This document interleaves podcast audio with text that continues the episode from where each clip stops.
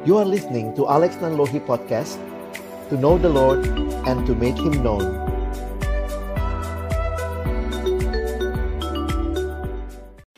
Bapak Surgawi, terima kasih buat kesempatan kami belajar kembali dan saat ini kami berdoa Tuhan memimpin training kami agar di dalamnya kami pun makin menghayati apa yang menjadi kehendak dan rencana Tuhan bagi kami. Berkati hambamu yang menyampaikan, setiap kami yang mendengar, juga interaksi di antara kami, biarlah makin menolong kami juga makin menghayati apa yang menjadi kehendakmu.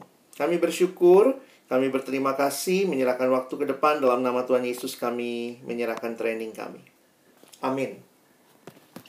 Ya, saya bersyukur buat kesempatan ini boleh sharing kepada teman-teman. Mungkin ya, saya pakai istilah yang umum ya. Istilah kalian itu nggak umum itu. Pen-sharing itu istilah lokal ya. Jadi Eh, nggak uh, ada di dalam training uh, istilah training pen-sharing gitu. Jadi uh, saya langsung masuk ke materi utamanya bahwa kita sedang mau menyampaikan renungan firman Tuhan, ya. Jadi saya beri judul ini training menyampaikan atau uh, membawakan renungan firman Tuhan supaya jelas gitu ya. Kita dasarnya adalah firman Tuhan. Ini bukan cuma sharing, tapi ini menyampaikan firman Tuhan. Dan sebenarnya menariknya begini teman-teman ya. Ada yang berkata sebenarnya nggak nggak sulit menyampaikan firman Tuhan. Setuju nggak? Nggak sulit katanya menyampaikan firman Tuhan. Karena ya sampaikan aja apa yang firman Tuhan katakan gitu ya. Yang sulit itu karena kita juga mau menyampaikan pikiran kita, kita mau nyampaikan banyak hal dari kita padahal ya mas bicara mensharingkan firman Tuhan atau membawakan renungan, ya apa yang ditulis di situ ya ya itu yang kita jelaskan. Itu yang kita sampaikan. Nah, jadi memang uh, ini jadi bagian yang menarik untuk kita sama-sama juga dalam pertumbuhan rohani kita. Ketika kemarin teman-teman dua hari sudah belajar bagaimana menafsirkan Alkitab, menggali Alkitab ber-PA, maka ini lanjutannya.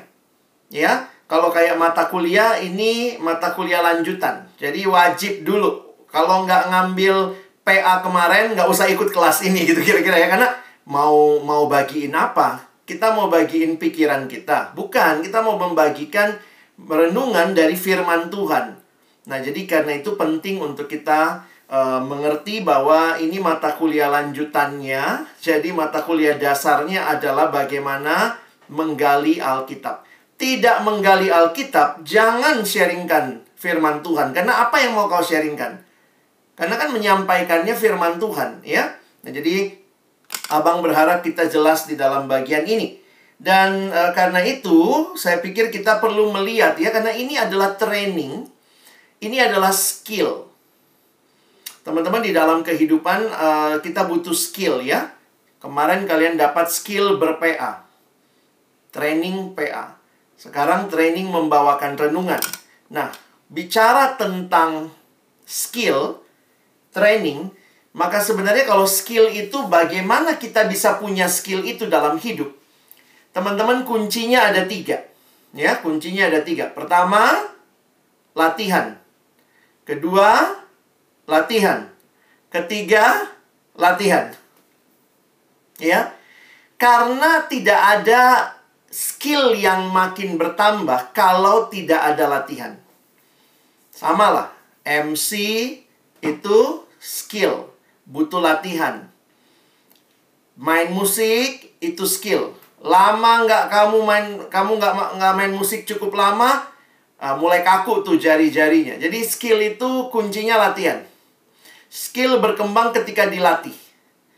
Jadi uh, saya harap kita nggak nggak ini ya nggak jangan sok rendah hati kalau disuruh ayo coba bagikan renungan yang kamu siapkan.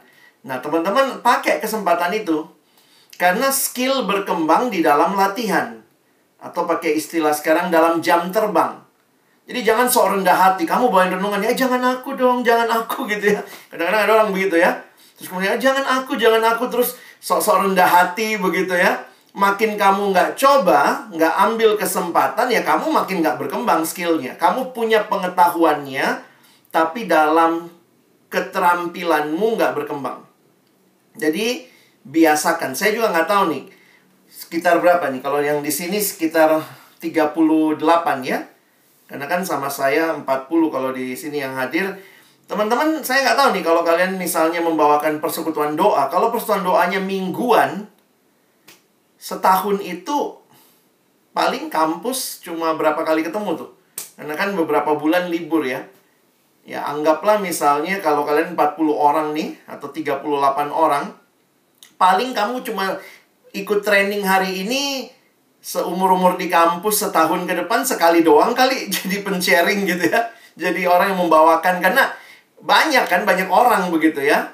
Nah, jadi ya, saya sih tetap me mencoba mengajak teman-teman untuk belajar uh, skill ini. Coba terapkan kalau kalian punya IG, kalian punya TikTok, belajar sharing di situ firman Tuhan ya. Jangan tunggu waktu jadi pemimpin persekutuan doa. Kamu punya WA story, IG story, coba dengan waktu yang ada yang singkat belajar membagikan firman Tuhan ya. Jadi ini yang hari ini uh, Abang ingin kita karena kadang-kadang saya mikir gini ya, sekali lagi habis di training, syukur-syukur sekali setahun kamu bawain karena saking banyaknya orang begitu ya dan gantian kan. Nah, jadi uh, tetap butuh jam terbang, ya. Kuncinya apa? Latihan, latihan, latihan, latihan, ya. Kalau dapat kesempatan, ambil kesempatan itu, ya. Habis dengar khotbah di gereja, coba bikin lagi versimu sendiri perenunganmu Mungkin dari bahan-bahan atau materi atau juga ada dari yang tadi amangnya khotbah atau pendetamu khotbah, coba ambil. Nah, coba tulis ulang begitu ya. Nah, jadi ini jadi latihan buat teman-teman, ya. Jadi uh, saya berharap sekali lagi saya tidak hanya pimpin training untuk nambah pengetahuan, tapi teman-teman yang bertambah pengetahuannya juga skillnya makin baik dan akhirnya boleh jadi berkat. Nah, saya menyamakan saja ya, jangan terlalu dibedakan sharing tuh kayaknya levelnya rendah banget begitu. Lalu nanti kalau bawakan renungan, khotbah, saya pikir semuanya sama. Membagikan firman Tuhan. Nah, sekarang Abang minta kalian pikir sebentar ya. Hanya di pikiran, nggak usah ditulis. Coba bayangkan apa yang kamu ingat. Atau mungkin pertama begini dulu ya Adakah pembicara, hamba Tuhan, pendeta, yang kamu senang dengar khotbahnya? Nah, coba pikir dulu ya. Ada nggak? Nggak usah ditulis, coba pikir aja. Ada nggak yang kamu senang dengar khotbahnya? Hamba Tuhan, pendeta, begitu ya. Oke. Yang kamu senang dengar khotbahnya. Sekarang yang kedua. Yang kedua, Kenapa kamu senang dengar khotbahnya? Saya nggak tanya siapa namanya, pendeta muka, orang yang kamu kenal kah. Abang nggak tanya siapa namanya, tapi kenapa kamu senang atau suka dengar khotbahnya buat kamu, kenapa? Nah, mungkin itu yang abang minta kalian tulis ya. Silakan sekarang coba tuliskan di kolom chat. Apanya yang membuat kamu kok senang dengar khotbahnya? Ya, silakan. Mungkin satu hal, mungkin dua hal, terserah. Setiap orang silakan boleh memberikan masukannya. Ya, silakan teman-teman boleh chat ya. Oke, saya tunggu. Karena pastikan lagi ngetik ya. Silakan teman-teman.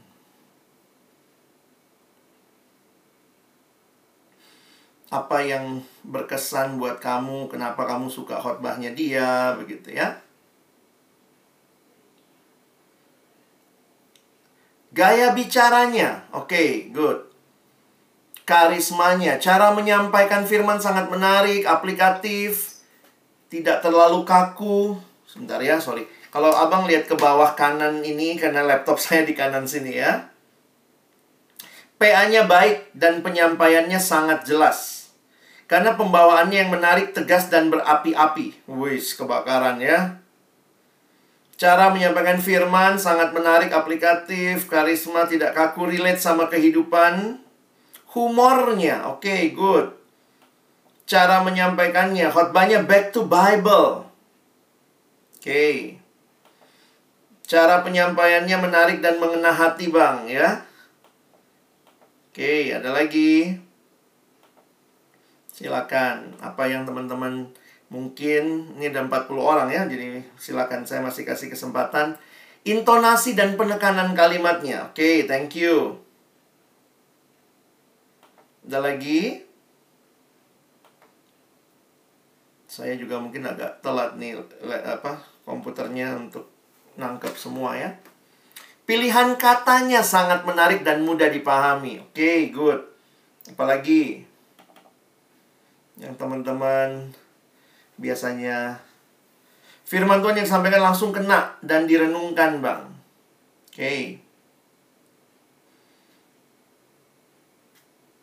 Aplikatif, aplikatifnya relate banget. Terstruktur. Oke, okay, good. Ada lagi? Saya masih tunggu. 30 detik lagi ya. Coba apa yang kalian ingat ya karena kita lagi mau bahas tentang hal itu hari ini. Apa sih yang teman-teman ingat dari orang-orang yang menyampaikan firman yang mungkin berkesan buat kamu? Oke? Sudah cukup? Kalau sudah cukup nggak apa-apa ya.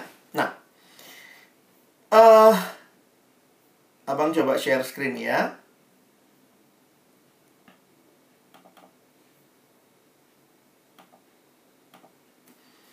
Saya berusaha mengemasnya dengan lebih sederhana karena biasanya uh, abang bawakan ini di materi pembinaan untuk hamba Tuhan ya. Jadi mungkin kalian pikir wah ini saya cuman pen-sharing, tapi saya juga nggak mau cuman da, cuman sekedar pen-sharing, lalu kayaknya kita nggak melihat relasinya dengan firman. Jadi abang tetap tekankan pentingnya kalian melihat ini adalah bagian kesempatan menyampaikan firman Tuhan, ya. Nah, nanti ada waktu tanya jawab, tapi saya juga minta nanti kita coba uh, apa ya istilahnya latihan kali ya coba latihan nanti sama-sama ya. Jadi teman-teman nanti bisa lihat hal-hal yang menarik. Mari kita mulai dengan mengajak teman-teman melihat 1 Tesalonika 1 ayat 5.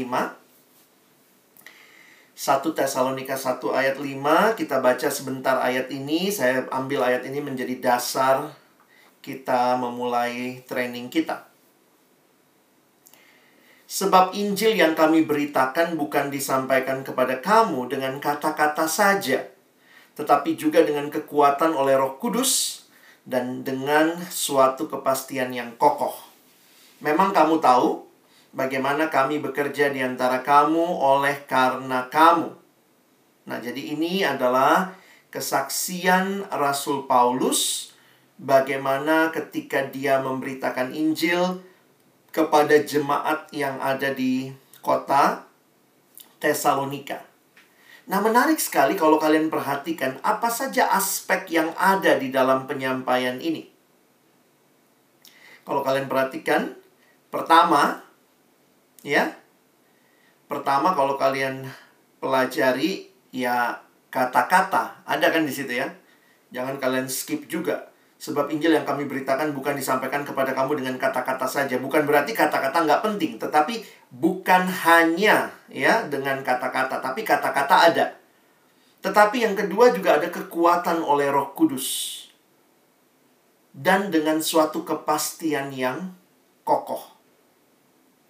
Teman-teman yang saya coba perhatikan, bagaimana sebenarnya bagian ini menyatu dengan kehidupannya Paulus ya Apalagi ketika di bagian akhir dia tuliskan apa?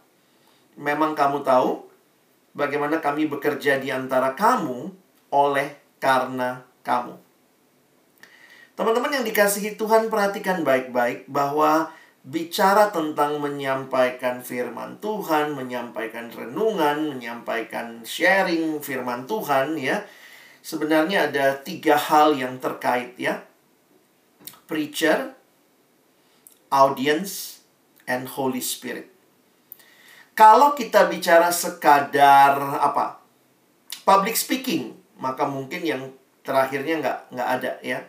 Only misalnya uh, oratornya, preachernya kalau boleh pakai istilah itu ya, dan audiensnya. Tetapi buat kita, kita melihat bahwa ini bukan sekadar ada yang preacher, ada yang audience, tetapi juga ada kuasa Roh Kudus yang bekerja. Preacher harus menyiapkan kata-kata. That's part of preacher's preparation. Audience kita perlu kenal siapa audiensnya. Jangan khotbah nggak kenal audiensmu. Tetapi di atas semua itu ada kuasa Roh Kudus yang bekerja. Sehingga yang terjadi bukan hanya kita menyampaikan pengetahuan, tetapi masuk ke dalam bagian yang mungkin kalian pakai istilah tadi menyentuh, membuat orang itu bisa melihat Allah dalam khotbah itu, dalam perenungan itu. Dan bagi saya ini jadi penting ya. Bagaimana pengkhotbahnya, bagaimana audiensnya. Maaf audiensnya kayaknya di sini teletabis ya. Maksudnya semua tepat pada sasarannya.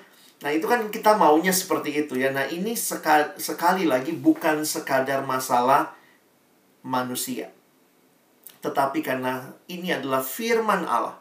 Yakini ini firman Allah yang berkuasa yang sanggup mengubah hidup kadang-kadang kalau kita nyanyi ya firmanmu yang kuasa untuk mengubah sikap hati. Firmanmu yang tegakkan di saat ku terjatuh. Firman itu hidup, berkuasa Karena Allah yang menyampaikannya, Allah yang hidup. Sehingga walaupun kalimat-kalimatnya sebagai kata-kata di dalam Alkitab Kelihatannya kaku dan mati Hanya tulisan, tetapi itu adalah firman Allah yang hidup Keyakinan itu harus teman-teman miliki saya tidak mengatakan kita pasti berani menyampaikan firman Tuhan di di awal-awal ya, khususnya buat teman-teman yang mungkin baru mulai, baru pertama kali. Tapi yang Abang mau katakan begini loh. Sebenarnya kita itu alat yang Tuhan berkenan pakai untuk menyampaikan firman-Nya yang hidup. Karena itu waktu kamu dapat kesempatan mungkin hanya lima menit, mungkin hanya 10 menit tapi keyakinan yang dalam, yang kokoh bahwa ini firman Allah yang sanggup mengubahkan hidup, yang sanggup mengubahkan hati. Sehingga waktu kamu menyampaikannya, itu keluar dengan seluruh keberadaan dirimu. Jadi bukan sekadar kita bacain persiapan kita. Kadang-kadang kan begitu ya. Kelihatanlah orang yang membawakan firman karena sekadar baca naskah dan Orang baca naskah pun juga bisa beda-beda. Ada yang benar-benar dia menjiwai, ya dia membaca supaya indah ya. Tetapi benar-benar dia menyatu dengan pesan itu, beban itu kelihatan waktu dia berkhotbah. Tadi ada yang bilang berapi-api misalnya. Tapi ada orang yang cuman karena ya kena tugas nih, ya saya kan habis ikut training pensharing ini, training membawakan renungan jadi ke depan nih harus wajib membawakan. Jadi ya sudah eh, lakukan aja tugas kalau kena kena giliran begitu. Saya pikir bukan hanya itu. Relasimu dengan Tuhan dan firman-Nya yang sebenarnya jadi dasarmu untuk juga terus membagikan firman Tuhan. Beberapa kali saya melihat orang yang bagus jadi MC itu orang yang memang hidup pribadinya adalah hidup yang menyanyi, menyembah Tuhan. Coba abang ulang ya. Beberapa kali saya lihat MC yang kuat itu bukan MC yang nyanyi waktu mau jadi MC MC yang cari-cari lagu waktu dia mau jadi MC. Tapi MC yang memang hidup rohaninya, saat teduhnya mungkin dia bernyanyi, lagu-lagu itu dia dia alami dalam hidup. Jadi sebenarnya maaf kata ya tanpa PA lagu, tanpa mendalami lagu pun dia memang sudah hidupi lagu-lagu itu. Jadi bukan PA mendadak karena mau MC. Demikian juga di sisi yang lain saya lihat orang yang membawakan firman dengan hidup itu bukan orang yang mendadak persiapan, mendadak kudus pas hari pas minggu mau jadi pemimpin persekutuan doa gitu. Lalu dia tiba-tiba kudus minggu ini ya aduh ketemu orang oh haleluya maranatha gitu ya. Lalu jadi rohani banget ngomongnya tapi hari-hari lain dia nggak pernah punya saat teduh teratur dia nggak punya disiplin menggali firman secara pribadi. Kalian udah belajar kemarin soal PA. Itu bukan pengetahuan, lakukan itu. Kamu akan terampil ber-PA kalau rajin ber-PA. Nggak mungkin nggak pernah PA tambah rajin PA. Nggak cuman karena ikut training PA. Training ini hanya trigger menolong kamu. Abang perlu ngomong ini supaya sekali lagi teman-teman tidak tidak sekadar melihat ini sebuah teknik, sebuah skill, tapi ini adalah sesuatu yang Tuhan pakai pertama-tama mengubahkan hidupmu. Karena ini firman Tuhan yang berarti waktu kau renungkan pun kamu pun diubahkan dan yang kedua, kamu menyampaikannya kepada jemaat kepada teman-temanmu mungkin dalam kelompok yang kecil itu pun kesempatan Tuhan memakai kamu dan firman-Nya mengubah hidup orang. Jadi saya pikir ini kita nggak sekedar belajar triknya ya. Karena saya kalau lihat orang sekarang maunya gampang gitu ya. Ya apa sih? Gimana sih caranya menarik tips and triknya? Bagaimana? Ini bukan masalah tips and trick. This is about life. If you live a life according to God's word then you are qualified to preach God's word. Kalau kamu hidupmu selaras dengan Alkitab, kamu pantas Tuhan layakkan menyampaikan firman-Nya. Tetapi sebaliknya, kalau firman bukan apa-apa dalam hidupmu, hidupmu justru menyepelekan firman, kelihatan dalam hidupmu kau tidak memprioritaskan firman, maka dapat kesempatan memberitakan firman. Saya takut itu cuma jadi kesempatan show off. Nih hasil training nih sudah bisa. Tapi ya bukan itu ya. Kerinduan kita adalah menyatu antara hidup kita dan firman yang kita beritakan. Itu bukan sesuatu yang terpisah tentu belum ada dari kita yang sempurna ya tapi mari kita terus berproses dan dalam proses itu teman-teman dapat kesempatan nih beritakan firman ya jadi sekali lagi jangan mendadak kudus karena mau bawain firman kuduslah selalu sehingga kalau dapat kesempatan memberitakan firman itu adalah satu ekspresi dari apa yang sudah kamu jalani hari demi hari. Oke? Okay? Kamu mungkin kaget ih kok berat amat bang ya emang berat dia dalam arti kita melayani sih ya kita nggak sekedar orator begitu ya dia bisa cerita tentang betapa pentingnya orang muda misalnya atau anak anak muda betapa pentingnya tidak akses pornografi. Dia bisa orasi itu, dia siapkan naskahnya, tapi bisa jadi dia sendiri menikmati pornografi. Kalau orator, public speaking, kamu bisa bicara sesuatu tanpa kamu harus menghidupinya. Bicara aja. Tapi kamu nggak hidupi. Tapi kalau kita bicara firman Tuhan, kita mau ngomong apa? Sebelum firman itu boleh jadi berkat buat orang lain, sudahkah firman itu juga telah mengevaluasi hidupmu, mengoreksi hidupmu. Dan bagi saya ini jadi penting, ya. Karena setelah ini abang akan bicara teknik. Kalau teknik semua mah uh, saya saya kuliah komunikasi. Saya kuliah komunikasi di UI. Semua teknik menyampaikan firman sebenarnya sama persis dengan teknik-teknik menyampaikan orasi atau public speaking. Jadi saya pernah bawakan materi ini pun untuk orang umum ya. Ada yang tidak seiman dengan kita. Bisa nih, ini materinya masalah mengemas ide, semua tuh sama. Yang paling membedakan adalah kehadiran roh kudus. Dan yang kita sampaikan bukanlah hanya pesan, tetapi kehidupan yang diubahkan sehingga pesan itu, firman Tuhan itu nyata lewat hidup kita dan akan sampai ke orang lain dan sanggup Tuhan pakai mengubahkan hidup orang itu, ya.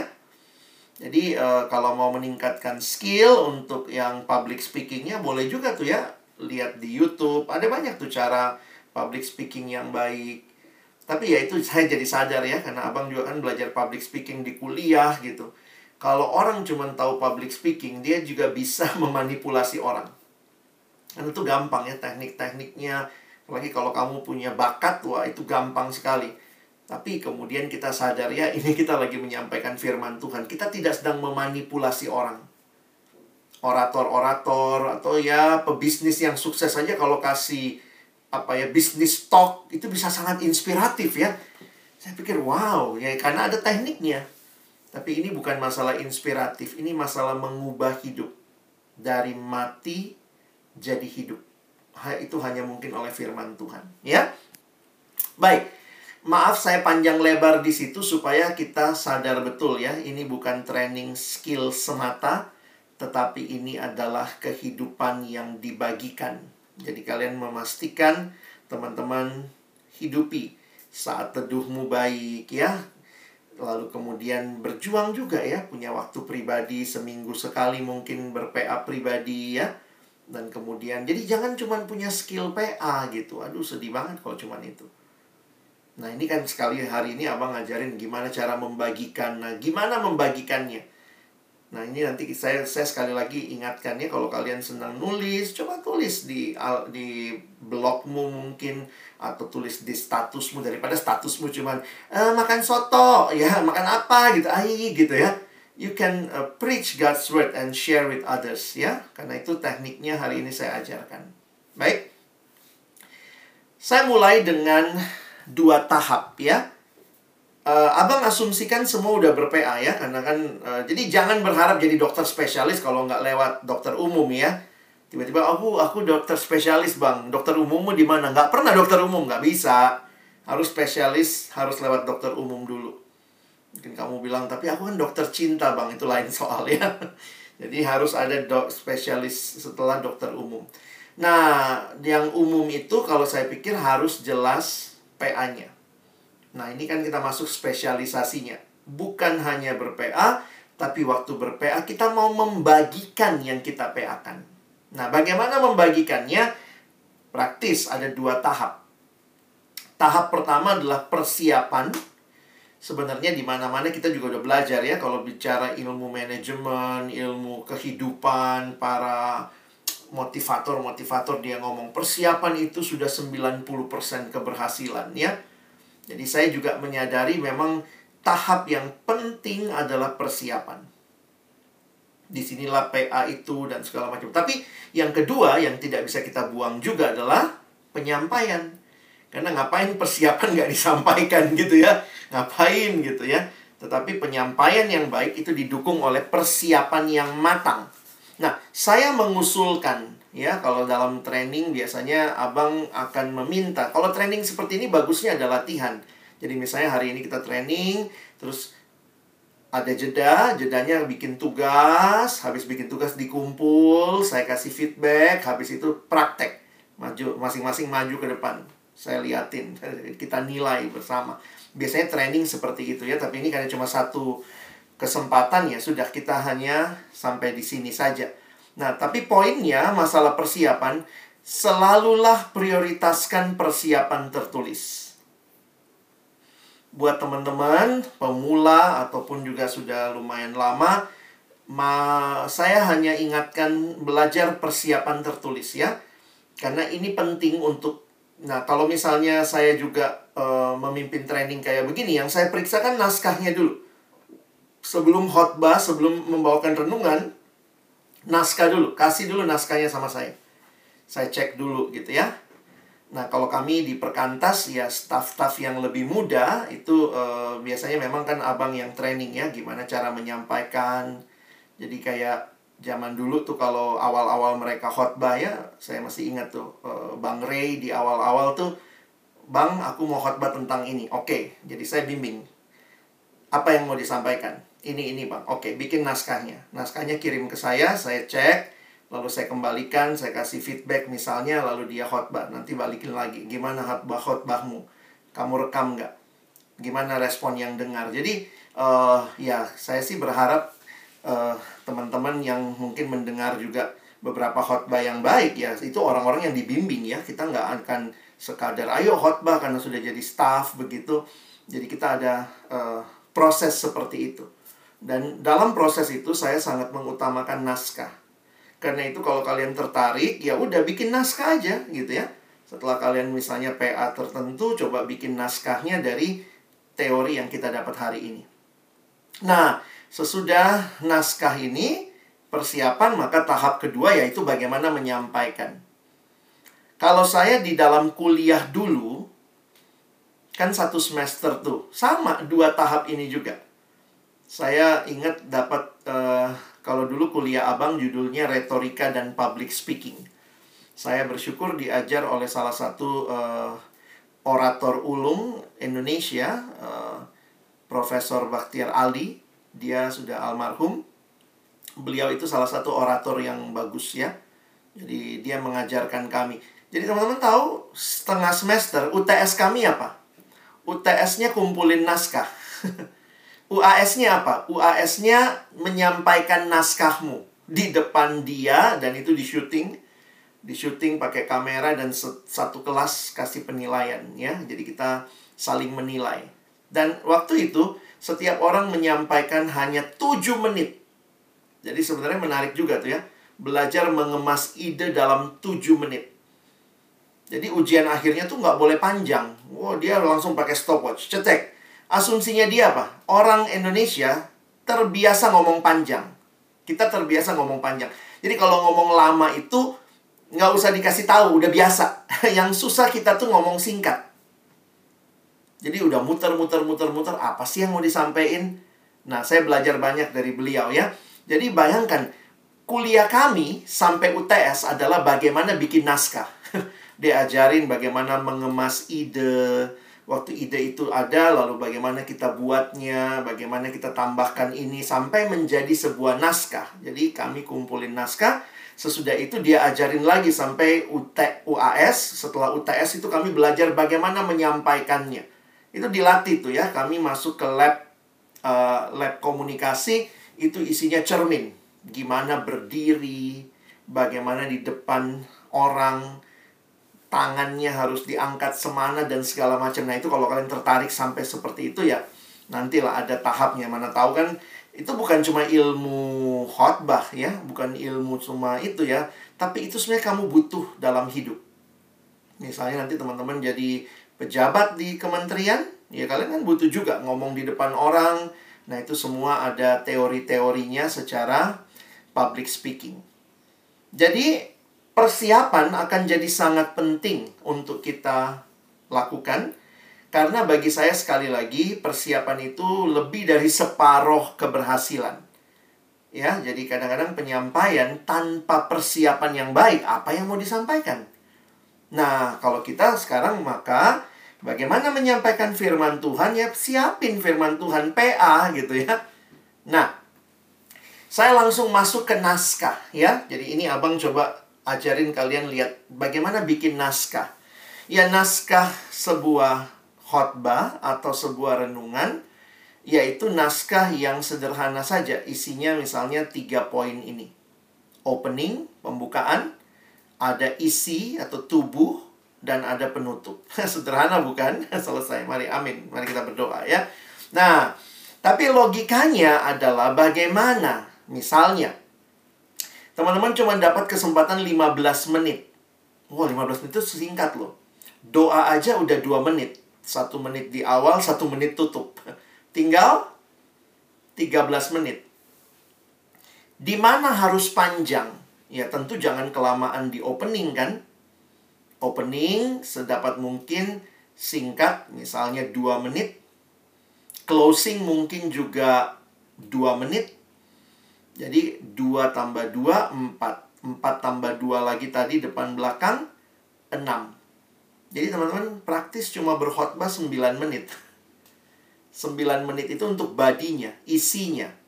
Nah, jadi kalau kita bisa melihat hal seperti itu, makanya kenapa perlu naskah? Naskah itu menggait kita ya supaya nggak kepanjangan, nggak kelewatan. Jadi memang dalam tekniknya dikatakan siapkan naskahmu lebih singkat dari waktu yang diminta. Kenapa? Kita cenderung improvisasi di tengah. Nambah-nambahin ya.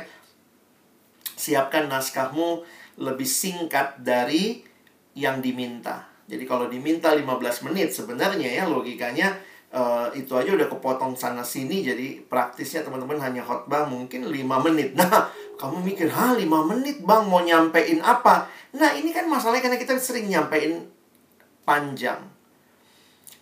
Uh, beberapa tahun yang lalu abang memulai uh, ini ya. Uh, ada satu karena kita pakai IG dan IG Fit itu cuma satu menit saya mempelopori waktu itu bikin SMS semenit menikmati sabda. Wah, itu tuh kepake benar nih teori-teori kayak gini nih. Saya kadang khotbah 10 menit, 20 menit, 1 jam. Kalau ditanya sebenarnya apa sih yang lu mau khotbahin Lex gitu ya. Saya bisa sampaikan kok dalam satu menit. Karena sebenarnya yang lain itu adalah pengembangan daripada ide utamanya. Nah, jadi teman-teman, jangan kelamaan di opening, jangan kelamaan di closing, tetapi memang kalau kita lihat strukturnya, lamalah di badinya, ya, lamalah di isinya. Oke? Okay? Nah, mungkin abang lompat sedikit ya. Saya nggak ke opening dulu, saya pending. Saya masuk ke badinya dulu, ya. Oke, kita lihat badinya dulu. Sebentar. Saya coba ajak teman-teman perhatikan. Karena di dalam body ini, ini masalah utamanya itu adalah bagaimana kita mengemas idenya. Ya. Jadi kita bicara masalah isi renungannya. Oke. Okay. Nah, sekali lagi isi renungan firman Tuhan ya, itu firman Tuhan. Teman-teman nggak bisa lari dari sini.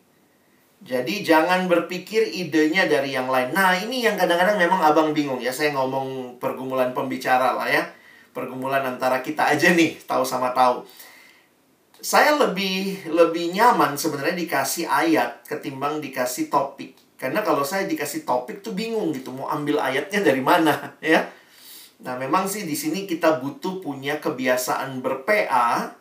Jadi bayangkan ya uh, sejak saya misalnya kenal Tuhan di kuliah, terus kemudian saya dibimbing, lalu kemudian saya ngerti bahwa mahasiswa dengan beban normal itu MHB bab 4 ya.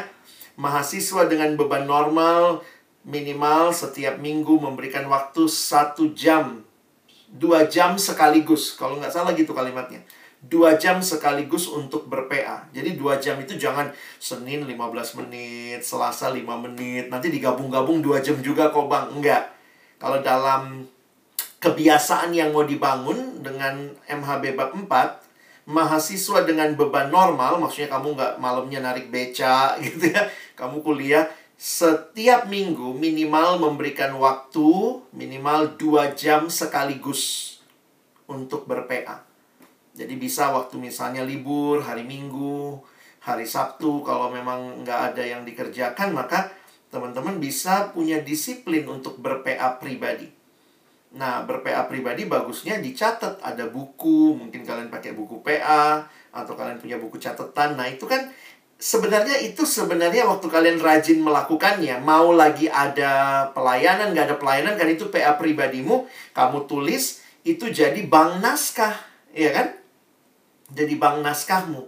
Sehingga waktu diminta tema saat teduh kamu langsung ingat oh PA aku yang waktu itu nih pas tentang saat teduh. Nah makanya yang abang bilang saya paling enak tuh kalau langsung dikasih ayatnya ya karena waktu dikasih ayatnya ya udah kita gali ayat itu aja kan Ya kan kadang-kadang kampus kasih pengampunan. Ayatnya terserah abang tuh kadang bingung, aduh yang mana ayatnya ya. Tapi ya uh, tetap ya, mau dikasihnya temanya kah? Atau yang mau dikasih ayatnya, yang kita gali adalah firman Tuhannya. Oke? Okay? Nah, makanya tahap penggaliannya itu dimulai dengan PA. Ya? Kita mulai dengan ber-PA. Nah, yang jadi masalah begini. Jadi, Bang, Gue aja PA 2 jam. Kurang tuh, gue tambahin lagi sampai 4 jam. Wih, banyak banget berkat bang yang aku dapat dari PA itu. Mesti disampaikan semua. Kebangetan nih pengurus cuman kasih 15 menit. Gimana bagiin ayat ini kaya banget? Nah, di situlah kita mesti punya skill. Skill untuk apa? Untuk menyederhanakan poin PA yang banyak dengan poin renungan karena waktu terbatas. Jadi akhirnya kita sadar betul, tidak semua poin PA perlu disampaikan. Dengar kalimat abang ya. Tidak semua poin PA perlu disampaikan. Tapi nanti kayaknya rasanya mem mem memotong firman Tuhan. Teman-teman, kamu bukan Tuhan ya. Yakini aja bahwa Tuhan bisa pakai kesempatan lain orang dengar lebih luas lagi tentang ayat itu. Tapi waktumu cuma 15 menit. Maka belajar memilih dan memilah. Yang mana yang perlu disampaikan? Dan biasanya dalam satu bagian Alkitab, anggaplah misalnya kita baca satu perikop ya. Di dalam perikop itu tuh bisa terdapat beberapa poin PA yang masing-masing tuh dalam. Nah teman-teman dalam tipsnya, ini kalau bicara tipsnya, maka tidak bisa kita sampaikan semua. Karena sekali lagi ini renungan. Nah, saya kasih teorinya sekarang ya. Jadi gini, teman-teman sebenarnya nanti kalau kalian jadi dokter umum, eh sorry, jadi dokter umum. Kalau kalian bisa membayangkan antara dokter umum dan dokter spesialis, yang abang ajarin hari ini adalah tahapan dokter umumnya. Sebenarnya kalau di semua yang membawakan renungan, harusnya kuasai dulu teori dasarnya ini. Nanti kalau mau bereksperimen, berkreasi, itu sebenarnya next step. Tapi ini teori dasarnya. Di dalam teori dasar membawakan renungan, khususnya dengan time limit yang ada, maka ada dua hal yang penting dalam setiap kali kita memikirkan renungan ya atau membuat renungan. Pertama, yang disebut dengan subjek. Terima dulu lah ya, nanti saya jelasin. Subjek itu adalah apa yang ada di dalam bagian yang ditulis itu, baik secara tersirat maupun tersurat. Nah, sekali lagi waktu bicara poin PA, nah ini gimana cara jelasinnya sebentar. Waktu bicara poin PA, dalam setiap kali PA, dalam sebuah PA, kalian mungkin loh dapat lebih dari satu subjek. Misalnya, iya ya bagian ini mengajarkan anugerah Tuhan, bagian ini juga mengajarkan pentingnya berbuat baik, wih bagian ini juga mengajarkan. Jadi itu yang sebenarnya yang teman-teman dapat itu namanya subjek tuh. Subjek bisa kita dapat banyak. Nah, poinnya sederhananya begini. Kalau kita renungan, renungan yang baik itu dalam teorinya, subjeknya cuma boleh satu. Jadi meskipun kamu dapat 10 subjek dalam satu perikop PA, tetapi ketika kamu mengkhotbahkannya, teman-teman harus fokus kepada hanya satu subjek. Jadi teorinya bilang begini, subjek tidak boleh banyak, subjek tidak boleh terlalu luas. Nah, itu gimana nanti Abang jelasin ya. Nanti saya kasih penjelasannya lah. Jadi subjek itu sebaiknya spesifik. Sekali lagi, tidak semua hal bisa kita tuliskan atau kita jadikan subjek renungan karena sekali lagi renungannya terbatas.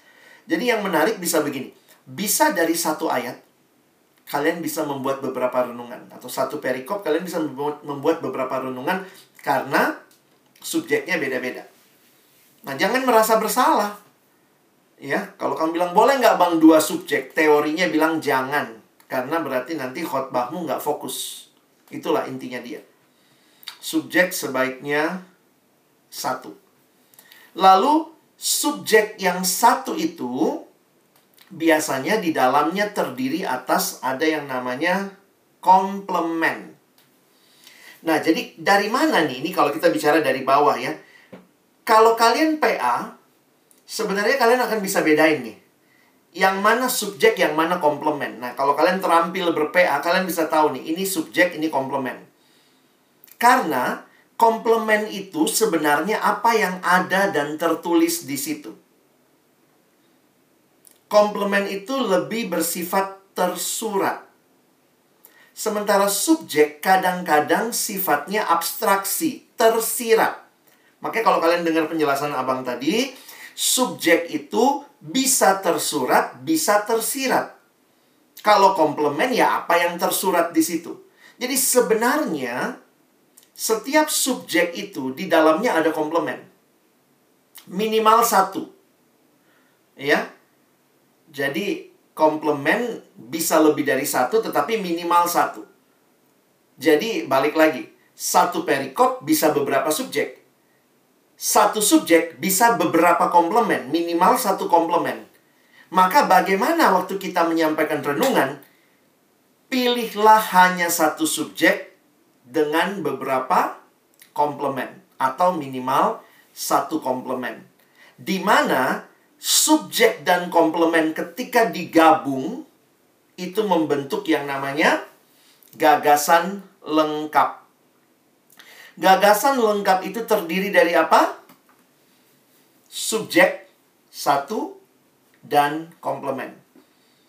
Satu subjek dan beberapa atau satu komplement membentuk yang namanya gagasan lengkap.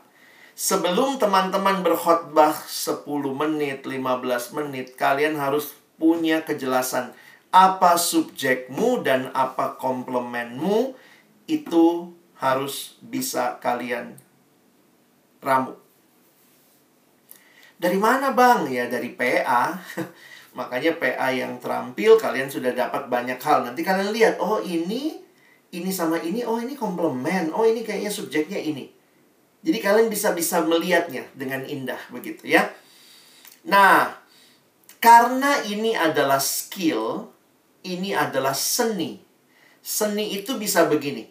Saya dengan teks yang sama dan kamu dengan teks yang sama bisa berbeda. Tentu bedanya bukan beda ajaran sama sekali, tetapi bisa berbeda sudut pandang melihat itu. Nah, jadi makanya di sini kita juga terbuka untuk ada orang khotbah ayat yang sama. Ih, wah menarik nih sudut pandangnya dia gitu ya. Yang satu, ih iya ya dia ayatnya sama nih. Makanya kalau kita lagi latihan nggak apa-apa. Kita pakai satu ayat, semua latihan ayat itu. Kumpulin naskahnya. Nanti kita akan lihat, oh ya dia memandangnya sisi ini dan sisi itu. Oke, sampai sini jelas. Mungkin masih bingung kali ya, subjek, komplement, apaan tuh bang ya. Nah, sekarang abang minta kita perhatikan gambar berikut. Di gambar berikut ini, coba teman-teman kelompokkan mana yang menurutmu satu kelompok, ya. Mana yang menurutmu itu ada dalam satu kelompok dan silakan tulis. Uh, ini gimana tulisnya ya? Kita lihat lah ya sama-sama ya. Hmm, sebentar. Jangan tulis dulu deh, lihat aja dulu ya biar nggak kacau nanti di live chat banyak banget chatan nggak usah ya. Nanti abang tanya ya, saya boleh minta beberapa orang volunteer atau apa korban ya untuk saya tunjuk ya. Tapi semua coba lakukan, buka mata lebar-lebar, coba lihat yang ada gambar berikut ini, lalu coba kelompokkan. Oke? Okay?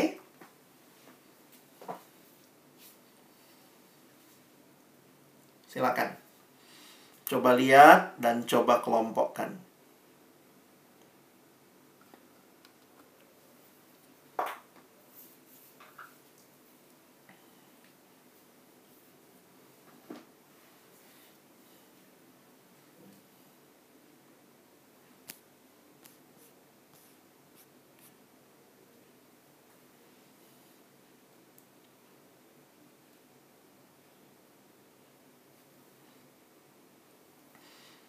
Kalau kamu bingung itu apa ya bang? Tebak aja lah. Nggak apa-apa juga. Nah, saya juga nyari gambarnya juga udah lupa gitu ya. Oke? Udah ya? Kelihatan ya? Oke. Yuk, kita coba ya. Teman-teman kelompokkan apa sama apa sama apa gitu ya. Jadi coba kasih tahu sama saya dulu. Minta kesediaan Obet aja deh, Obet. Bet bisa tolong Bet uh, yang kamu lihat apa yang sekelompok di sini? Boleh sebutkan dulu? Ya, Bang. Ya, uh, apa sama apa yang sekelompok deh? Kelompok yang pertama mungkin itu media sosial ya, Bang. Ada YouTube, hmm. Twitter, hmm. Instagram sama Facebook. Tweet uh, apa? YouTube, Instagram, Twitter, Facebook ya. Oke, okay, ya, thank you, Bet. Saya uh, ini dulu ya. Nah, teman-teman lihat, ada nggak kata media sosial di sini? Nggak ada kan?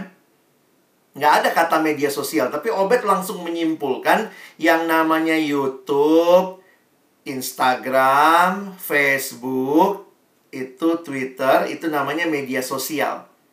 Nah, media sosial itu, coba lihat teorinya. Kalau yang tadi ya. Media sosial itu berarti apa? Kalau Obet ngelihatnya media sosial yang mana tuh, Bet? Subjeknya. Subjeknya, betul. Yang lain itu namanya komplement. Jadi, subjek bisa terdiri atas beberapa komplement. Oke. Okay. Thank you, Bet. Sekarang minta kesediaan siapa nih ya? Saya sebutin aja ya. Ruth Angel Evelyn. Ruth bisa tolong dek Yang kedua kelompoknya apa? Yang kamu lihat dari gambar ini.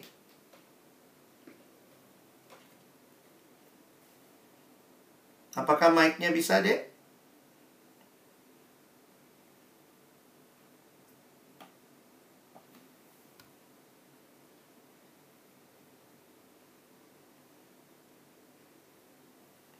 Kalau susah nggak apa-apa, minta tolong Esther ya. Esther. Iya bang. Iya, boleh coba lihat kelompok yang kedua dari gambar ini apa yang kamu lihat deh? Uh, yang kedua uh, menurut saya itu kendaraan bang. Ada Hmm. mobil, helikopter, uh, truk, terus pesawat, Hmm. kapal, sama motor bang. Kamu memberi nama itu adalah Kendaraan kendaraan. Thank you ya. Nah, jadi kendaraan itu adalah subjeknya. Ada lagi nggak dengan subjek kendaraan bisa dispesifikkan lagi nggak kira-kira? Ada yang berusaha coba spesifikkan? Coba Esra. Esra Natalia Tambunan. Esra bisa, Dek? Kamu sama nggak istilah yang kamu pakai kendaraan? Atau ada istilah lain?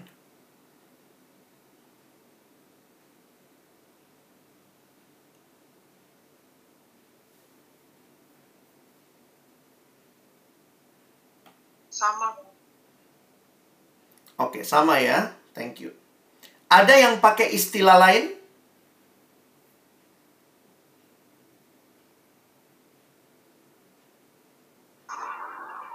Ada bang. Alat transportasi. Nah, ini ya. Kita bisa lihat hal yang sama menggunakan istilah yang berbeda. Nggak salah juga, nggak dosa juga. Jadi, bisa jadi ayat yang kamu lihat sama, tapi istilah yang kamu ambil berbeda. Ada lagi yang mencoba menspesifikkan alat transportasinya? Atau kendaraan, ada yang menspesifikannya?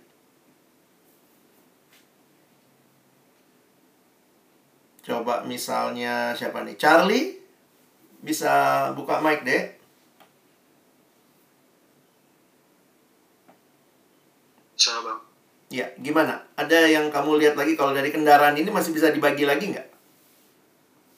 Masih bisa bang. Ada Mm-mm. pertama ada transportasi darat. Ah, ada oke. sepeda motor dan mobil Oke. dan juga truk. Truk, oke. So, eh, terus ada transportasi udara, ada pesawat dan helikopter. Iya. Lalu? Terus transportasi laut itu ada perahu. Oke, baik. Thank you. Nah, teman-teman lihat ya. Jadi ada yang hanya melihatnya ini kendaraan, mencakup semuanya, tapi bisa dispesifikkan lagi. Jadi memang dalam sebuah apa ya kalau kalian lihat begitu ya, ini bisa jadi sesuatu yang eh, me- membawa banyak sudut pandang. Oke, kita lihat kelompok yang ketiga. Saya percaya sih udah selesai yang itu ya. Kelompok yang ketiga. Tolong Maesa, Maesya Putrina. Ada yang kamu lihat dek kelompok ketiga? Eh, buah-buah bang yang nanas, apel, anggur, Hmm. Bingung kau yang terakhir itu apa ya? Abang pun bingung itu apa. Apa kira-kira dek? Mau bilang tomat bukan. ya bang. jeruk orang karo kau ya. Lihatnya jeruk labu. Ya ada saya juga tanya lihatnya labu gitu ya. Kiwi. Suka sukamu lah. Ya karena kita nggak kelihatan gambarnya nggak apa-apa ya. Jadi eh, anggaplah itu labu ya. Kita bilang labu. Nah itu namanya buah buahan. Ada yang bilang nama lain? Kayaknya semua sama lah ya. Buah-buahan ya Nah, jadi teman-teman sebenarnya kan eh, kata subjek atau subjek itu tuh nggak ada tuh, nggak belum tentu tersurat. Tidak ada kata buah-buahan di sini kan? Tidak ada kata alat transportasi, nggak ada tuh. Jadi somehow subjek itu bisa dari eh, abstraksi, dari memang begitu lihat kita langsung bilang oh ini adalah ini subjeknya. Kalian begitu lihat langsung bilang, e, ini apa buah-buahan. Oh, ini alat transportasi. Oh, ini. Nah, begitu juga waktu kalian lihat firman. Nah, memang waktu kita PA, PA itu kan kita lihat semua semua hal komplement ya. Nah, e, membawakan renungan menolong kita coba tarik sedikit ke atas. Coba kelompokkan. Lalu lihat apa subjeknya. Nah, dari subjek itu kalian mesti memilih yang mau dihotbahkan yang mana. Karena tentu waktu berkhotbah kan selalu ada batasnya. Jadi di sini teman-teman harus punya uh, hikmat lah ya. Makanya kadang-kadang saya lihat penting sekali kenal pendengar kita. Kira-kira dari ayat ini dengan pendengar seperti ini subjek mana yang saya prioritaskan untuk saya angkat. Nah, kira-kira gitu ya. Nah, sekarang saya tambahin lagi teorinya lebih jauh lagi ya. Subjek Nah. Tipsnya atau triknya, cobalah mengubah subjek yang tadi dengan menjadi pertanyaan. Mungkin pertanyaannya 5W1H. Maksudnya bisa pilih ya.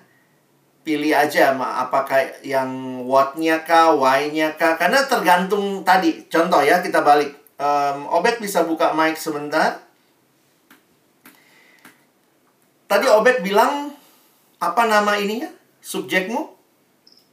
Media sosial, Bang. Media sosial. Lalu di dalamnya ada Facebook, Twitter, Instagram. Coba ubah media sosial itu diubah jadi pertanyaan yang jawabannya adalah Facebook, Instagram, YouTube, Twitter. Mau pakai kata tanya apa dari 5W1H? Apa kata tanya yang tepat? Pakai apa mungkin Bang? Apa saja? Nah, aduh anak stan pintar-pintar ya. Apa saja? Apa saja uh, contoh-contoh media sosial.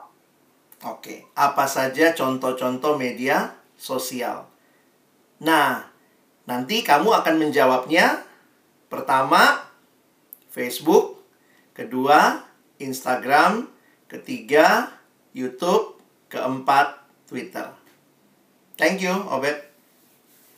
Ada nggak yang punya pertanyaan lain? Yang jawabannya juga empat itu kata kuncinya juga media sosial. Ada yang mau pakai kalimat lain di selain kalimatnya Obet? Yang tadi udah buka mic coba ya. Charlie deh, Charlie. Kalau Charlie mau pakai kalimat apa deh? Kata tanya apa yang pas?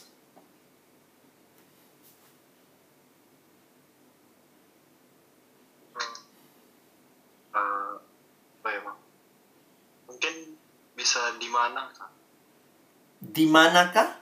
Lalu jawabannya Facebook gitu. Maksudnya di mana? di mana di mana bisa kita jumpain uh, video oh. video. Atau agak bingung sih coba dengan kata media sosial aja. Ada nggak kalimat lain? Kalau tadi kan kalimatnya Obed apa saja contoh-contoh? Kalau kamu mau pakai kata apa? Apa saja atau uh, mungkin siapa siapa saja yang menggunakan media sosial. Tapi jawabannya Facebook, Instagram, YouTube, Twitter. Nggak pas kalau pakai kata siapa saja. Jadi nggak apa-apa pakai kata apa saja, tapi ada nggak kalimat lain yang kamu mau pakai? Kalau tadi obet apa saja contoh-contoh. Kalau kamu mau pakai apa saja, apa? Kepikir? Hmm. Uh, di mana di mana kita bisa mengelola media sosial? Di mana kita bisa mengelola? Bagaimana uh, di mana kita bisa mengelola uh, bisa mengelola media sosial gitu? Di mana kita bisa mengelola? Terus jawabannya uh, Facebook, Instagram gitu. Oke, okay, thank you. Makasih ya, Dek. Yeah. Nah, mungkin memang masih agak membingungkan, tapi coba ini tadi Estra bilang kalimatnya.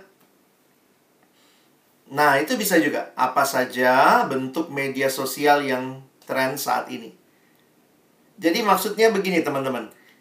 Pertanyaan ini bisa kalian kemas dengan berbagai hal tergantung dari cara pandangmu. Nah, tentunya kalau nanti itu adalah firman Tuhan, tergantung firman Tuhan. Jangan juga asal aja gitu ya.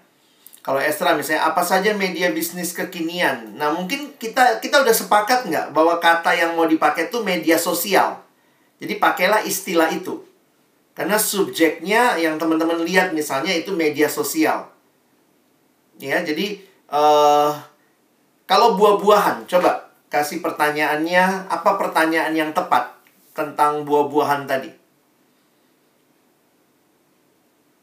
Coba usulkan beberapa beberapa subjek dari buah-buahan. Coba teman-teman buat pertanyaan, silakan jawab di live chat deh, ya, biar kita coba pelajari atau bisa berbagi. Yang jawabannya buah-buahan tadi, nenas, jeruk, apel, kiwi gitu ya, anggur. Coba silakan. Abang tunggu ya.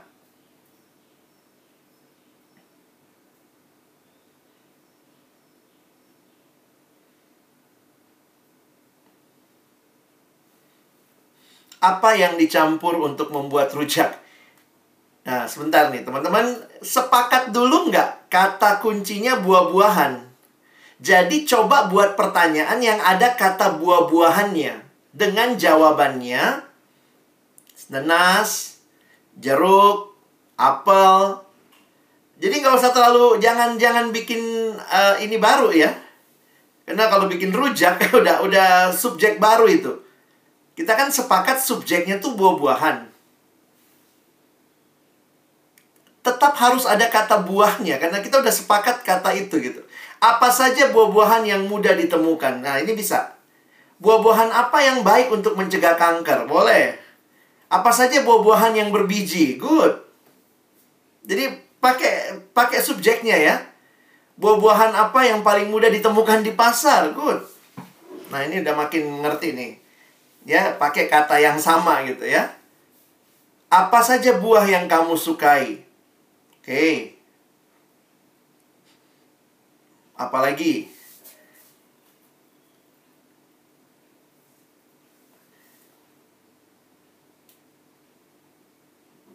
Ada lagi? Buah-buahan. nah, jadi teman-teman, saya ingin ingatkan gini, sepakati dulu bahwa apa subjeknya. Nah, subjeknya itu yang kamu buat jadi pertanyaan. Sehingga tidak keliat tidak tidak liar dengan ide yang lain tapi stick sama ide buah-buahan. Dan jawabannya adalah hal itu. Ya? Oke. Jadi coba abang lanjutkan sebentar ya. Jadi kalau kita nanti melihat sebentar subjeknya adalah yang kita kita ubah subjek itu jadi pertanyaan 5W1H Lalu kita berikan komplemennya. Komplemennya berarti kan jawabannya tadi ya. Ini, ini, ini, ini.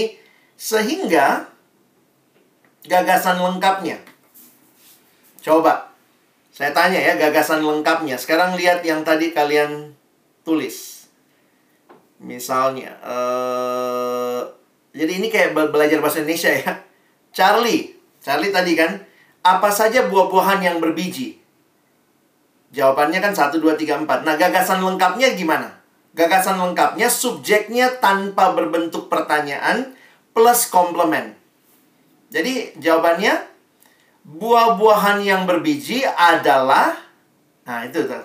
Ini ini ini ini ya. Okvina.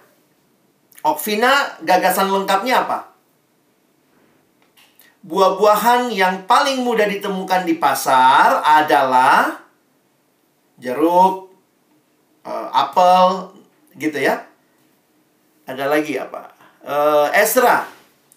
Buah-buahan yang baik untuk mencegah kanker adalah satu, dua, tiganya. Itu yang tadi buah-buahannya ya. Apa saja buah yang mudah ditemukan? Apa saja buah yang kamu sukai atau yang disukai manusia begitu ya? Maka 1 2 3 4. Nah, itu yang namanya gagasan lengkap. Jadi subjek di awal bisa diganti atau perlu diganti menjadi pertanyaan. Lalu ada komplement di mana gagasan lengkapnya adalah subjek dalam kalimat positif plus komplement. Nah, jadi sebenarnya semua yang berbicara harus punya gagasan lengkap.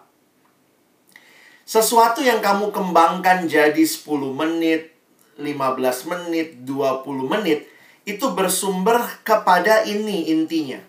Harus jelas apa subjeknya, apa komplemennya, dan apa gagasan lengkapnya. Kenapa gagasan lengkap jadi penting? Kalau tiba-tiba kamu lagi menyampaikan, tiba-tiba di stop. Lalu ada yang nanya, maaf kamu harus turun dari mimbar. Saya hanya kasih waktu kamu satu menit tutup khotbahmu. Maka kamu langsung bisa bilang, jadi saudara-saudara hari ini saya cuma mau bicara tentang apa saja buah yang mudah ditemukan. Satu, apel. Dua, tiga, empat. Jadi itulah buah-buah yang mudah ditemukan. Itu tidak sampai satu menit kamu bisa tutup speechmu. Sebenarnya, menyampaikan firman Tuhan dengan teknik ini menolong teman-teman untuk bisa tidak kebanyakan ngecap. Tapi kalian langsung mengerti sebenarnya dari PA saya, saya dapatnya apa nih. Lalu komplemennya apa sehingga kalau waktumu cuma satu menit, tutuplah khotbahmu. Kamu harus menyampaikan gagasan lengkapnya. Nah, jadi teman-teman bisa paham ya. Di dalam sekolah teologi ya, kalau kalian sekolah teologi ya misalnya gitu ya, maka dosen teologi hanya meminta gagasan lengkap. Sebelum dia dengar khotbahmu 20 menit, 30 menit, dia akan tanya, apa gagasan lengkapnya? Dan gagasan lengkap harus diramu dengan kalimat yang tepat. Ya. Nah, jadi sekarang kita mulai coba ya lihat ya. Gimana dong Bang masuk ke hal-hal yang seperti ini, ada seperti ini ya. Coba abang kasih contoh sekarang ya. Coba lihat misalnya ini semua buka Alkitab ya. Lihat Matius pasal yang kelima. Coba lihat ya, Matius pasal 5.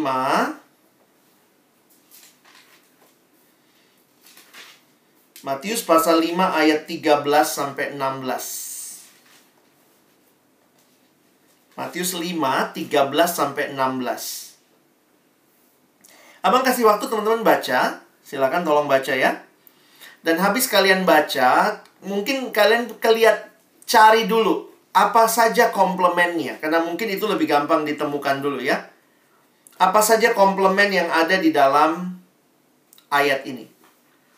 Ingat ya, jangan terlalu rumit. Baca langsung lihat apa sih ini lagi bicara tentang apa dan apa dan apa misalnya gitu ya. Cari komplemennya. Oke, saya kasih waktu 2 menit ke depan. Silakan. Thank you ya, Harold sudah masuk. Yang lain? Bener ya, Harold namanya ya. Oke, Harold.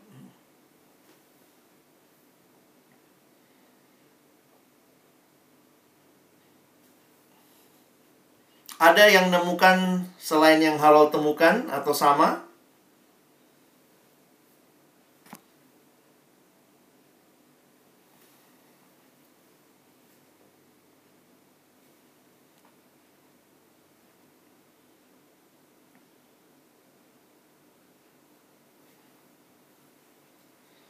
Kalau Alkitab ada yang lain yang menemukan yang lain?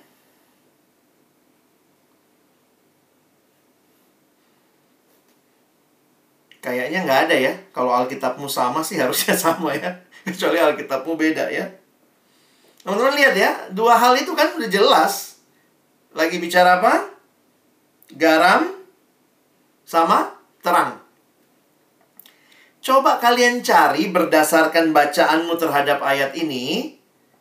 Coba pikir, kira-kira subjeknya apa? Belum, jangan ubah jadi pertanyaan dulu, subjeknya dulu.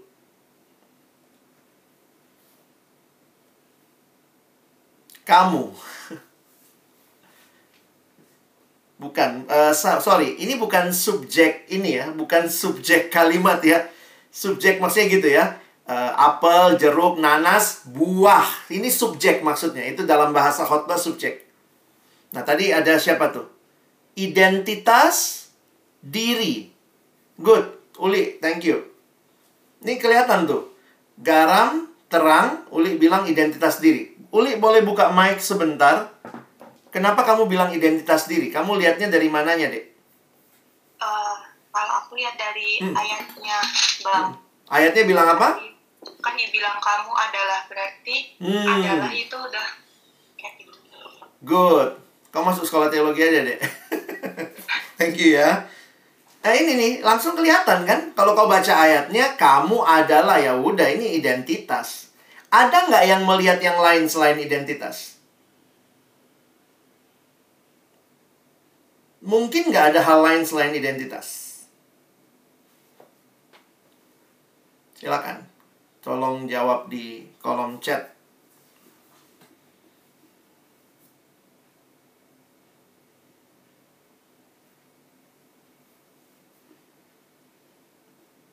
Garam. Terang. Itu apa ya? Lihat dari cara Yesus menjelaskan.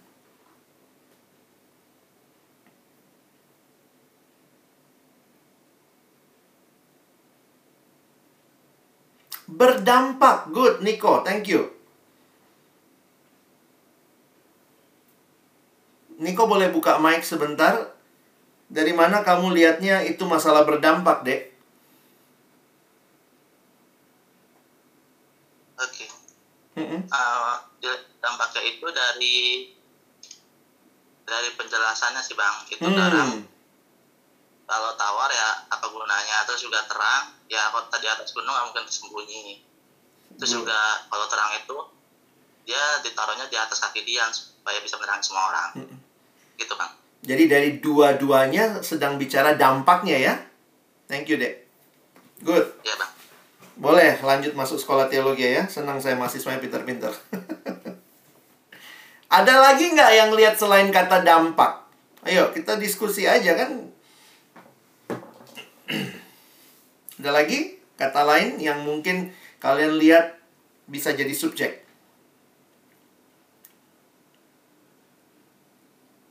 Kata lainnya dampak apa ya?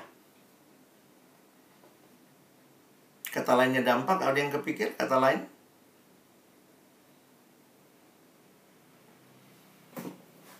Pengaruh, yes. Thank you, Ricky. Bapak John Stott Nah, ini salah satu ahli bikin subjek itu dalam dunia khotbah itu John Stott. Hebat banget. John Stott untuk khotbah Matius 5, 13, 16 dia pakai pengaruh Kristen. Jadi dia begitu lihat ini dia langsung bilang ayat ini bicara tentang pengaruh Kristen. Nah, lalu nanti oke okay ya. Ada lagi satu kata yang bisa juga dipakai. Dampak, pengaruh, ada kata apa lagi? Kalian lihat di ayat 13 ada kata apa di situ?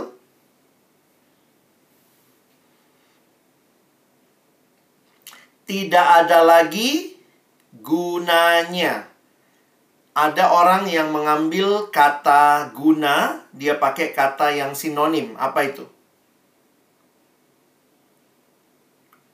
Kata fungsi. Nah, sekarang begini tolong teman-teman dari tiga kata ini atau empat kata dengan fungsi kalian suka yang mana? Karena bisa jadi kan kalian lihat dari ayat-ayat ini. Coba ubah jadi pertanyaan. Jadi kalau kalian pilih kata dampak uh, mungkin bisa dampak bisa berdampak. Coba silakan ketik. Ubahlah jadi pertanyaan. Pakai kata apa? Apa fungsinya kita untuk orang di sekitar kita. Thank you, Handy. Ada lagi? Nanti abang bahasnya. Tulis aja dulu, nggak apa-apa. Apa saja pengaruh orang kita terhadap dunia? Wow. Udahlah, kalian pindah sekolah teologi lah. Jadi mahasiswa saya. Apalagi? mahasiswa teologi kadang susah loh nemuin begini-beginian ya. Bagaimana kita berdampak bagi sesama? Yes. Apa identitas kita? Wow. Good. Nah, ini kan cara kalian udah bisa ngerti nih apa identitas kita, bagaimana berdampak bagi sesama.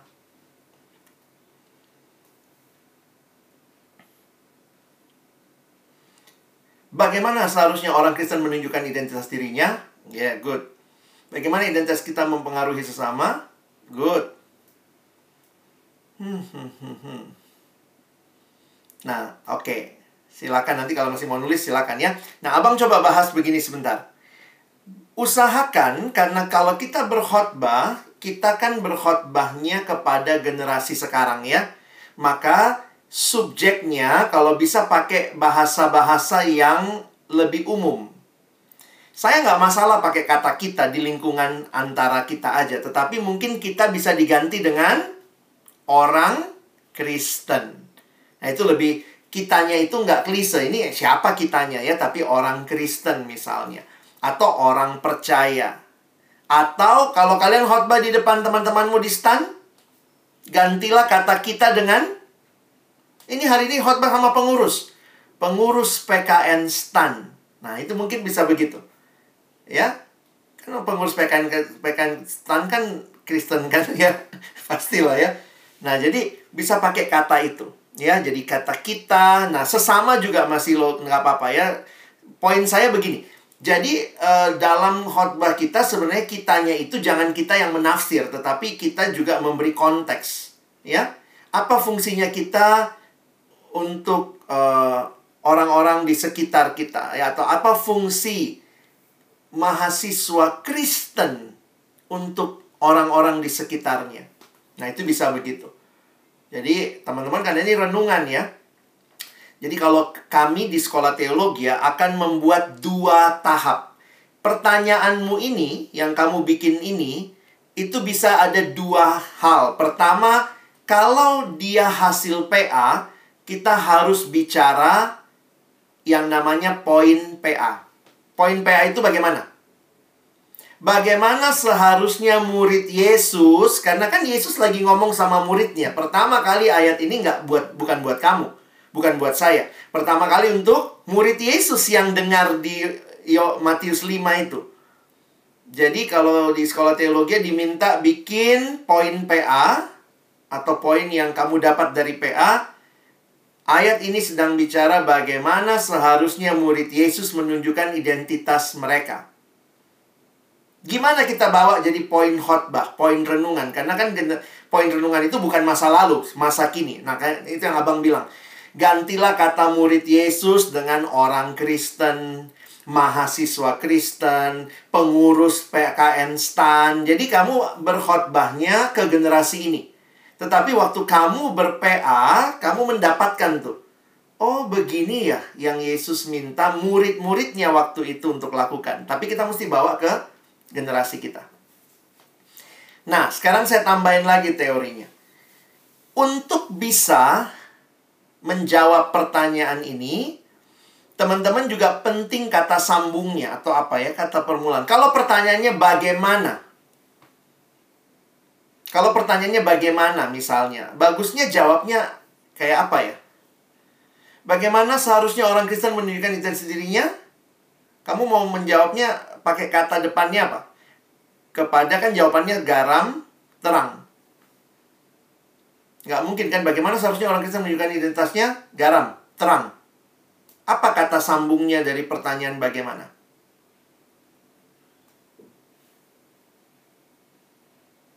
dengan cara ah, oke. Okay. Berarti kalau kalian pakai dengan cara bagaimana seharusnya orang Kristen menunjukkan identitas dirinya dengan cara menjadi. Mungkin digabung aja kali ya dengan cara menjadi terang dengan menjadi garam dengan menjadi terang.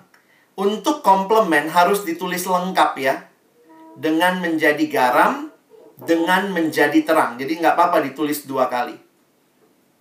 Jadi memang kalau kata bagaimana, kita biasanya harus uh, beberapa orang pakai kata sebagai. Bagaimana? Sebagai. Tapi nggak tahu nyambung nggak ya. Saya lebih suka dengan ini ya.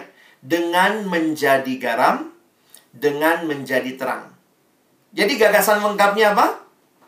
Yaitu identitas atau sorry, orang Kristen menunjukkan identitasnya dengan menjadi garam, dengan menjadi terang. Khotbahmu kamu harus kembangkan dari poin ini. Ya. Jadi ingat gagasan lengkap perlu ada untuk menolong kamu tetap bisa uh, apa ya logis gitu ya menyampaikannya.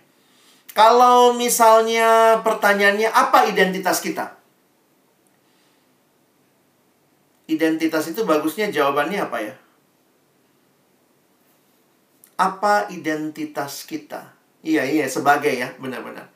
Yang yang sebagai itu lebih pas di identitas. Sebagai garam, sebagai terang. Jadi gagasan lengkapnya identitas kita atau jangan pakai kita ya, identitas orang Kristen adalah sebagai garam, sebagai terang. Oke, teorinya udah selesai. Tinggal sekarang menyampaikannya ya. Nah, sampai sini Abang kasih kesempatan dulu kalau ada yang mau tanya. Bisa paham bagaimana membuat subjek, komplement, gagasan lengkap? Silakan. Kalau ada yang mau tanya, boleh buka mic atau chat. Nanti Abang bisa kasih penjelasan kalau ada yang mau ditanyakan.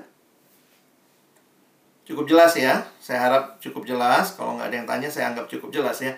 Nah, teman-teman, sebenarnya inilah yang menjadi dasar sekali kalau kita menyampaikan renungan atau berkhotbah. Jadi, uh, kalau orang tanya sama kamu, apa sih yang kau khotbahin tadi? Sampaikanlah gagasan lengkapmu. Dan uh, saya harap setelah belajar ini jangan jangan jadi evaluator pengkhotbah ya. Karena ini sebenarnya ilmunya ya, ini tekniknya. Dan saya harus katakan memang jujur juga banyak orang khotbahnya nggak jelas gitu ya. Nggak jelas poinnya apa, dia lagi menjawab pertanyaan subjek apa. Dan memang dalam pertanyaan subjek, sebaiknya subjek tidak terlalu luas yang abang bilang tadi ya. Jadi jangan misalnya gini, apa saja dan bagaimana. Nah, itu dalam teori berkhotbah, khususnya untuk berkhotbah eksposisi atau renungan, tidak tepat terlalu banyak subjek. Kalau mau apa, apanya saja. Kalau mau bicara bagaimana, bagaimananya saja. Kalau bicara apa dan bagaimana dan apa, bagaimana dan mengapa, nah itu udah jadi seminar, ya. Nah itu yang perlu kita pahami sehingga kita nggak terjebak. Saya mengusulkan kalian dengar khotbah-khotbah yang baik dari beberapa pembicara yang baik. Uh, ada beberapa sahabat saya, kalau kalian tertarik mendengar khotbahnya, semua mengikuti pola ini. Misalnya Pastor Yakub Trihandoko, dia sangat jelas dalam poinnya, jelas subjeknya, komplemennya. Ada yang namanya Pastor Yosia Yusuf, Yosia Yusuf dari gereja di Melbourne uh, sorry gereja di Sydney. Dia khotbah dalam bahasa Indonesia dalam bahasa Inggris dan itu juga poinnya sangat jelas. Dan dari awal bisa kita kita orang yang jelas khotbahnya gampang dicatat karena kita tahu poinnya. Dan poinnya itu uh, jadi begini. Teorinya mengatakan khotbah itu sebaiknya seperti sedang me, apa ya bukan seperti sen, sen, uh, apa senapan mesin gitu ya. Yang kita jangan kebanyakan subjek. Tetapi satu seperti lagi memaku satu kamu pakukan lebih dalam tancepin lagi tancepin lagi jadi benar-benar orang pulang tuh dapat sesuatu tapi nancep banget ketimbang kamu hotmain 10 hal pulang-pulang dia syukur-syukur ingat satu jadi uh, sekali lagi, nah kalau teman-teman kan terbatas waktu ya. Kalian nggak punya banyak waktu, misalnya cuma dikasih waktu 10 menit, 15 menit, begitu ya. Nah, maka kita mesti bisa berkhotbah dengan singkat. Baik. Bagaimana kalau perikopnya panjang? Ya, balik lagi, kalau memang kita dikasih waktunya singkat, maka kita yang mesti mengikuti ya. Berarti kita nggak bisa membahas seluruh perikop itu. Kita mesti memilih Misalnya saya akan fokus, mungkin kamu bisa bacain seluruh ayat, tapi saya akan fokus kepada ayat berapa misalnya. Ya? Baik. Sekarang abang masuk ke komplement. Ya? Jadi, yang tadi saya bilang, komplement juga tergantung ya. Minimal satu lah komplement ya. Tidak selamanya tiga, empat, belum tentu juga. Bisa jadi cuma satu komplement. Ya. Nah, di dalam menyusun komplement, jadi khotbah kita itu setelah menyusun subjek, komplement, gagasan lengkap, maka kita mengembangkan khotbah. Sebenarnya dalam khotbah yang dikembangkan itu apa? Komplementnya. Jadi misalnya ya, tentu karena kita berkhotbah maka komplement misalnya garam tadi. Sebagai garam, maka kita kemudian kasih penjelasan firman. Kasih wawasan mungkin ya. Garam di Palestina pada masa itu nah itu kan itu kalau kalian PA dapat tuh. Kok Yesus kayak nggak ngerti masa garam bisa jadi tawar? Yesus nggak belajar fisika kimia ya? Nah di zaman Yesus garamnya bisa jadi tawar.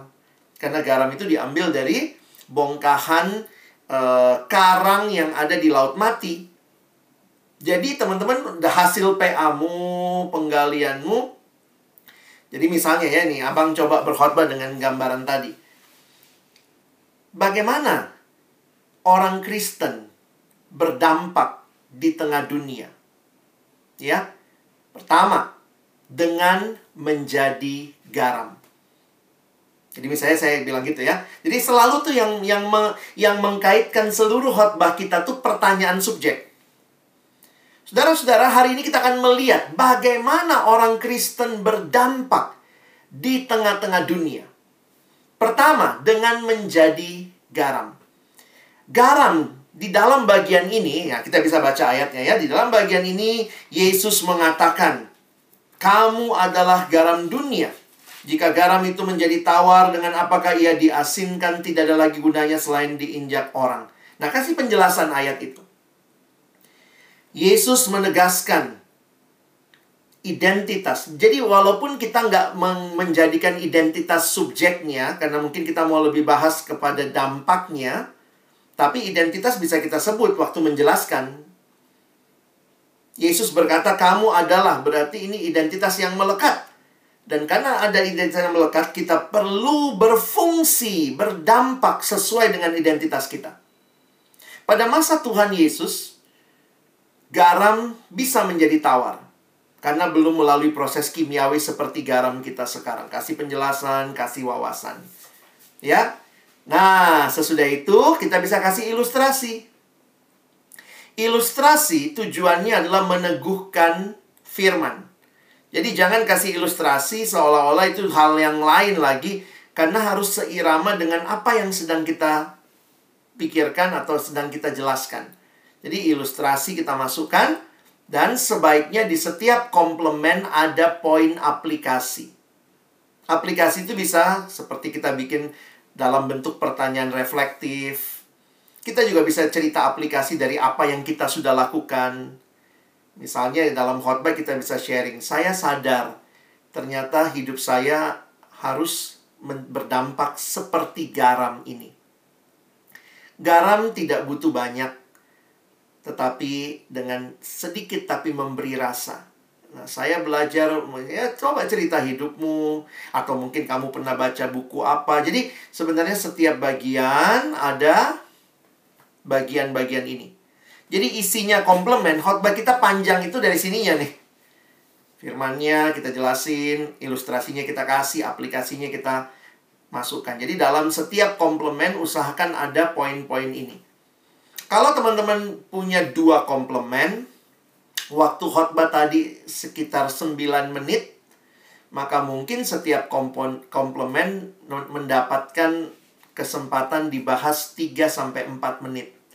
Komplement 1, penjelasan firman, wawasan, ilustrasi, aplikasi. Nah, jadi bagaimana dengan komplement-komplement yang lain? Sebenarnya dari tiga poin ini, firman, wawasan, ilustrasi, aplikasi, setiap komplement tinggal teman-teman bolak-balik aja. Itu kan seninya di situ ya. Komplemen satu kita mulai dengan firman Tuhan dulu. Tapi komplemen dua saya bisa mulai dengan ilustrasi dulu. Masih ingat tadi pertanyaannya? Bagaimana orang Kristen berdampak di tengah-tengah dunia? Pertama tadi kita sudah lihat dengan menjadi garam. Dan yang kedua, dengan menjadi terang. Teman-teman saya ingat ya kita ceritalah apa-apa apa-apa ya setelah kita setelah kita cerita cerita kita kemudian bisa bilang iya ya nah seperti yang juga dituliskan dalam bagian ini di ayat berapa? Jadi dari ilustrasi masuk kepada firman yang dijelaskan lalu bisa masuk ke aplikasi. Aplikasi ya bagaimana hidup kita sekarang? Apakah kita sudah menjadi terang di tengah dunia ini? Kalau sampai ada tiga komplement ya silakan bolak-balik lah hal ini ya. Bisa juga begini. Firman Tuhan, aplikasi dulu, baru ilustrasi ya. Bisa juga ya, ilustrasinya meneguhkan aplikasi bisa. Jadi teman-teman yang mengatur lah isinya. Tetapi di sinilah kita jadi melihat uh, fokusnya ada di mana ya supaya nggak nggak melebar jauh ke mana-mana. Jadi kalau sudah bicara ini semua, tinggal ditutup kan? Ditutupnya ya ada kesimpulan, ajakan dan tantangan. Jadi teman-teman, bagaimana orang Kristen berdampak di tengah dunia? Kita sudah mendengar dengan menjadi garam, dengan menjadi terang. Marilah kita boleh menghidupi kehidupan yang berdampak ini. Ketika engkau dan saya diselamatkan, bukan supaya kita tinggal dengan kondisi kita tapi Tuhan mau kita pun berdampak dan jadi berkat bagi sesama. Maukah teman-teman? Nah itu kan ada ajakan, ada tantangan. Tapi ya kesimpulannya tetap kembali ke pertanyaan bagaimana kita berdampak. Jadi kalau berkhotbah, pertanyaan itu bisa diulang berkali-kali di setiap poin untuk menolong kita dapat keutuhannya. Oke? Jadi tahap persiapan penting sekali yang abang tadi agak skip adalah bagian opening ya. Nah sekarang saya ajak kita lihat openingnya sebentar. Karena memang bagian utamanya itu ya isi ya. Nggak mungkin lah khotbah nggak ada isinya gitu. Tapi coba lihat sebentar untuk bagian opening.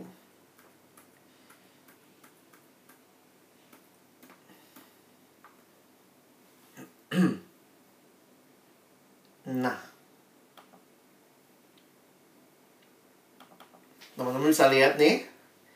Saya sengaja taruh di akhir karena bagi saya mungkin kita perlu uh, jangan kelamaan juga di pengantar karena kan yang harus lebih panjang dan lebih banyak dibahas adalah penggalian firman ya. Makanya poin komplement jangan lupa ada wawasan firmannya, penjelasan firman mungkin ada ilustrasi, ada aplikasi.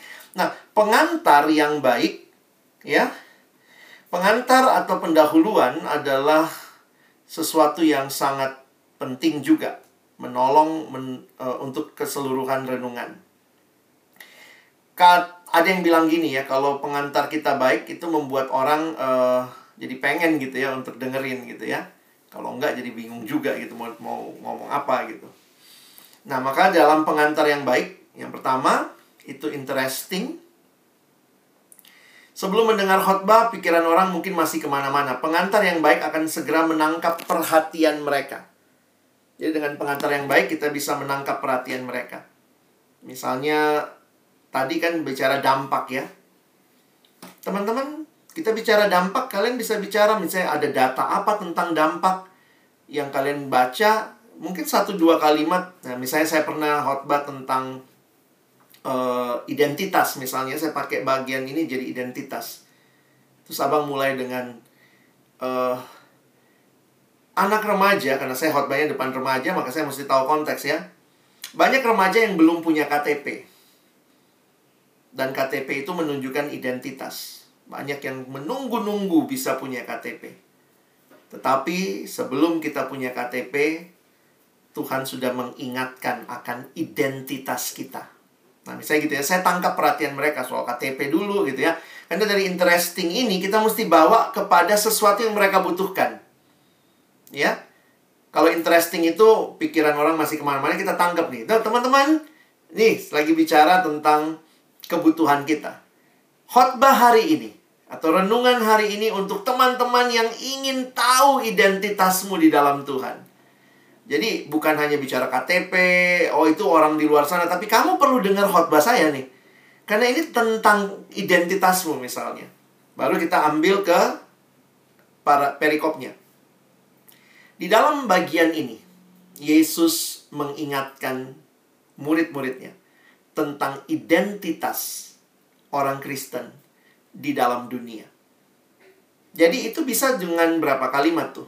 Empat, lima kalimat, dua kalimat awal untuk interesting, mungkin ada satu kalimat untuk uh, expose a need, dan ada satu dua kalimat untuk orient the group to the passage being studied dari hal yang umum. Masuk lebih khusus, masuk kepada perikopnya. Nah, karena itu kita akan melihat hari ini. Nah, apa yang kita lihat? Subjek. Apa identitas orang Kristen di dalam dunia? Pertama, sebagai garam. Jelasin. Kedua, sebagai terang.